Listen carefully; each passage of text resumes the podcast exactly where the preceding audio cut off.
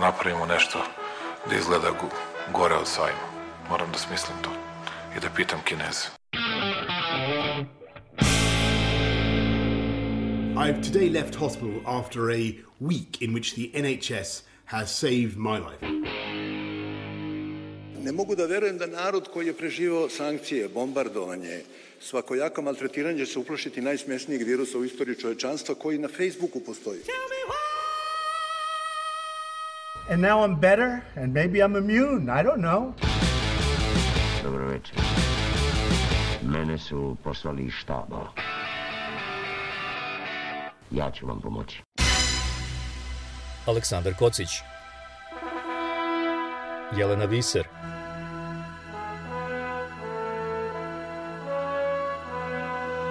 Radio Karantin Hronika istorije u nastajanju Dobrodošli u novi Radio Karantin. Ja sam Aleksandar Kocić. Ovaj serijal posvećen životu u pandemiji polako privodimo kraju I danas pričamo o vakcinama i vakcinaciji. Šta je novo u istraživanjima u vezi sa vakcinama i dokle smo stigli, odnosno zašto nismo završili vakcinaciju čitave planete.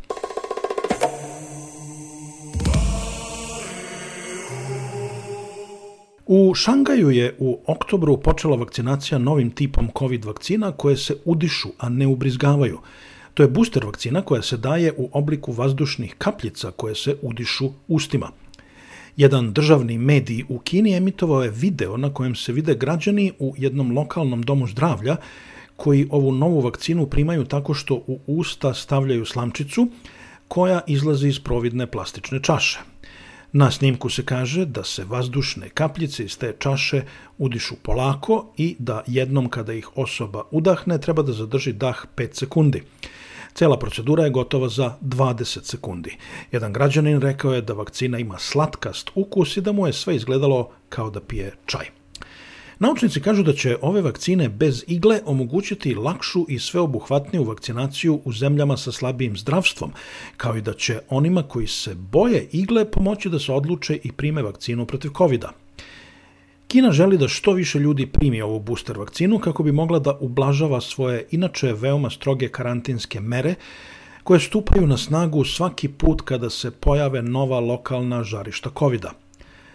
Vakcinu je proizvela kineska kompanija CanSino Biologics, a u Kini je inače, kako prenosi Associated Press, 90% stanovnika vakcinisano, dok je 57% primilo i booster vakcine. O efikasnosti novog tipa vakcina još uvek se ne zna mnogo. Kinesko regulatorno telo odobrilo je vakcinu u septembru, ali samo kao booster nakon što su studije pokazale da pozitivno deluje na imunni sistem kod ljudi koji su prethodno primili dve doze onih klasičnih kineskih vakcina. Takođe postoje naznake da ove nove vakcine mogu da zaustave virus pre nego što stigne do respiratornog sistema, mada kako kaže jedan ekspert, to delimično zavisi od veličine kapljica vakcine – Krupnije kapljice omogućavaju bolju zaštitu u delovima usta i grla, dok one manje lakše putuju po ostatku tela. I u Indiji je odobrena jedna slična nazalna vakcina s tim što vakcinacija još nije počela. Svetska zdravstvena organizacija kaže da se u svetu trenutno testira desetak tipova nazalnih vakcina. Ovakve vakcine postoje već neko vreme. Oralna vakcina protiv polija smatra se veoma uspešnom, dok one protiv drugih virusa daju slabije rezultate. Švajcarska kompanija Berna Biotech povukla je pre 20 godina nazalnu vakcinu protiv gripa kada se ispostavilo da povećava rizik od privremene paralize lica. Američka nazalna vakcina Flumist pokazala se uspešnijom u borbi protiv gripa kod dece od klasične muskularne.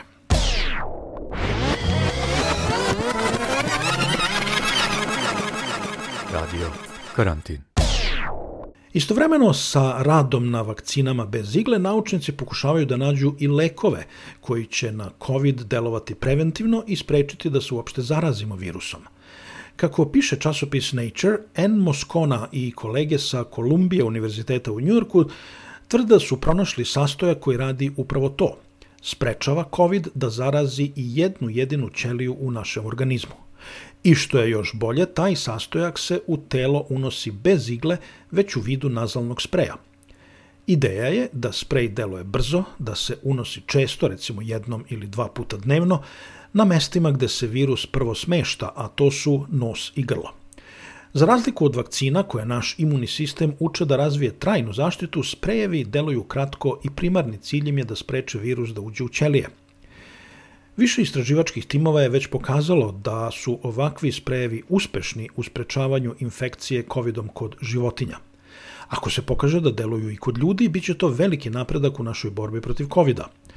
Vakcine nas štite od težih oblika bolesti, dok lekovi koji trenutno imamo leče bolest, ali je ne sprečavaju. Sprejevi bi nam dodatno doneli zaštitu od infekcije, pre svega u objektima i prostorijama visokog rizika, od bolnica do restorana.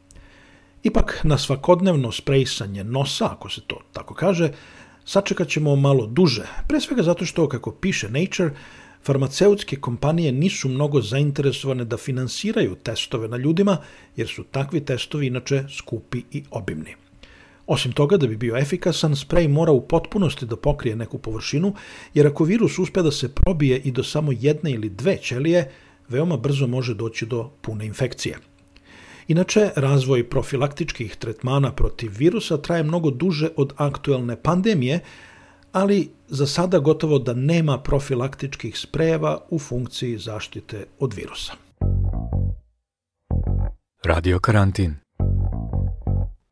Da se vratimo sada na onaj slogan Svetske zdravstvene organizacije sa početka pandemije. Niko nije bezbedan dok svi nisu bezbedni. Zvuči sasvim logično, ali kao što znamo, nikada od početka pandemije nije bilo tako. Ni sa maskama, ni sa respiratorima, ni kasnije sa vakcinama. Veliki zastoji u isporukama vakcina, koji još uvek traju u nekim delovima sveta, doveli su do nepotrebne smrti hiljada i hiljada ljudi, a možda i do pojave novih sojeva kao što je Omikron koji se, kao što znamo, prvo pojavio u Južnoj Africi. Za to vreme bogatiji svet uveliko se vakcinisao. Ova nejednakost bode oči, ali nažalost ne iznenađuje. Slično je bilo i sa drugim vakcinama pre covid kao i sa lekovima, na primjer protiv HIV-a, koji su u Afriku stigli godinama kasnije, posle ulaska u upotrebu na zapadu. Ništa bolje nije ni sa tretmanima za rak i druge teške bolesti. Zašto je to tako? Zato što se zdravstvo u siromašnim zemljama u velikoj meri oslanja na male količine dobre volje ili milostinja, ako hoćete, bogatijih zemalja sa severne hemisfere u kojima se nalazi većina farmaceutskih kompanija. Zato se sada zemlje takozvanog globalnog juga udružuju i sa Svetskom zdravstvenom organizacijom i drugim grupama pokreću inicijativu za izgradnju kapaciteta za proizvodnju vakcina i lekova širom planete. Direktor Svetske zdravstvene organizacije Tedros Ghebreyesus rekao je nedavno da je pandemija pokazala koliko je ograničavajuće i opasno ako se za proizvodnju i distribuciju javnih dobara oslonimo na samo par kompanija.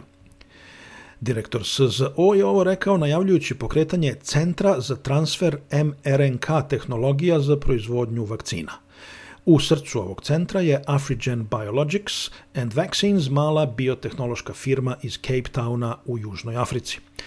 U projekat je uključeno nekoliko univerziteta u Južnoj Africi, kao i 15 farmaceutskih kompanija iz više zemalja, među kojima su Senegal, Argentina i Indonezija. Njihov cilj je da zajedničkim snagama naprave svoju mRNK vakcinu protiv covid da bi se kasnije posvetili lekovima i vakcinama protiv drugih bolesti kao što su HIV, Zika ili boginje. Naravno, ovakve humane ideje nije ni malo lako realizovati. Postoje silni tehnički i tehnološki izazovi, a tu su i ekonomske i geopolitičke prepreke.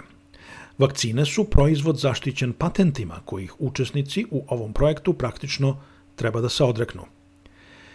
Da se sada vratimo malo unazad i da vidimo kako smo uopšte došli do ove situacije sa patentima – Tokom 80. godina prošlog veka farmaceutske kompanije u Americi pokrenule su inicijative da prava na zaštitu intelektualne svojine važe za celu planetu. To je bilo motivisano strahom od potencijalne konkurencije iz Indije i Brazila, gde je došlo do ekspanzije u proizvodnji takozvanih generičkih lekova napravljenih koristeći patente kojima je istekao rok kada su pod zaštitom – Mnogi ekonomisti odmah su upozorili da će restriktivnija politika otežati pristup veoma važnim lekovima, ali bez uspeha. 1995. godine stupio je na snagu sporazum TRIPS, koji je sve članice Svetske trgovinske organizacije, njih tada preko 150, obavezao da poštuju stroga pravila u vezi sa zaštitom intelektualne svojine, od kojih je glavno da patenti traju najmanje 20 godina. Nobelovac Joseph Stiglitz taj sporazum nazvao je teoretski neodbranjivim i etički neprihvatljivim, jer štiti isključivo poslovne interese u razvijenim zemljama, a najčešće na štetu pozdravlje građana u najsiromašnijim zemljama. Gnev povodom ovog sporazuma imao je erupciju u vreme eskalacije epidemije SIDE krajem 90. i početkom 2000-ih. Jedna od najteže pogođenih zemalja, Južna Afrika, tada je predložila da se odobri upotreba jeftinijih generičkih lekova, na što su Pfizer i drugi farmaceutski giganti sa zapada predsjedniku Nelsonu Mandeli zapretili sudskom tužbom, a SAD sankcijama protiv Južne Afrike. Ni tužbe ni sankcija na kraju nije bilo, zahvaljujući reakciji javnosti, ali je na stotine hiljada ljudi u Africi izgubilo život jer nije bilo ni lekova. Strahujući da bi tokom aktuelne COVID pandemije moglo da se desi isto, Južna Afrika i Indija izašle su pre dve godine sa predlogom da se sporazum TRIPS zamrzne i tu ideju podržale su i Svetska zdravstvena organizacija i Sjedinjene države. Ali je predlog ostao da tavori u fiokama Svetske trgovinske organizacije, pre svega zahvaljujući blokadi Evropske unije i još nekih zemalja. Njihov argument bio je da će ukidanje patenata negativno uticati na inovacije, a neće doprineti boljem snabdevanju vakcinama. Onda je u junu ove godine Svetska zdravstvena organizacija usvojila značajno revidiranu verziju predloga koja predviđa samo privremeno ukidanje patenata što su mnogi kritikovali kao preveliki kompromis koji proizvođačima u siromašnijim zemljama neće pomoći.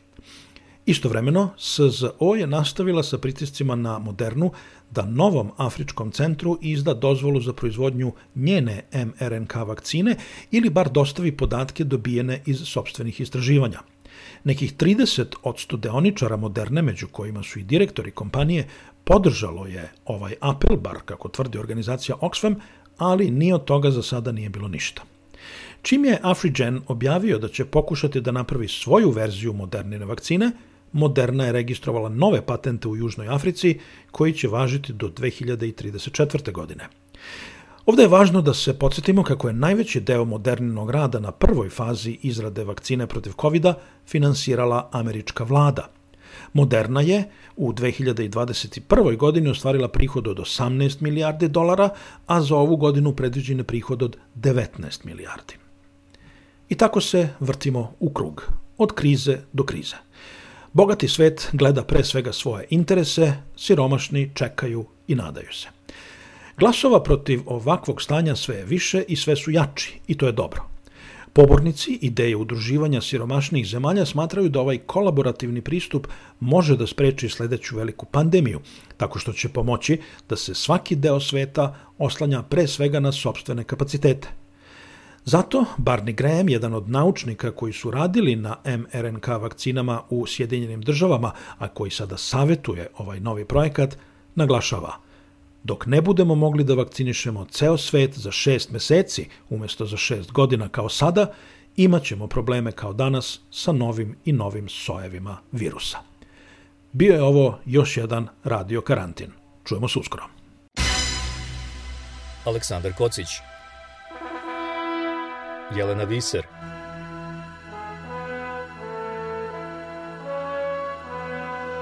Radio Karantin. Hronika istorije u nastajanju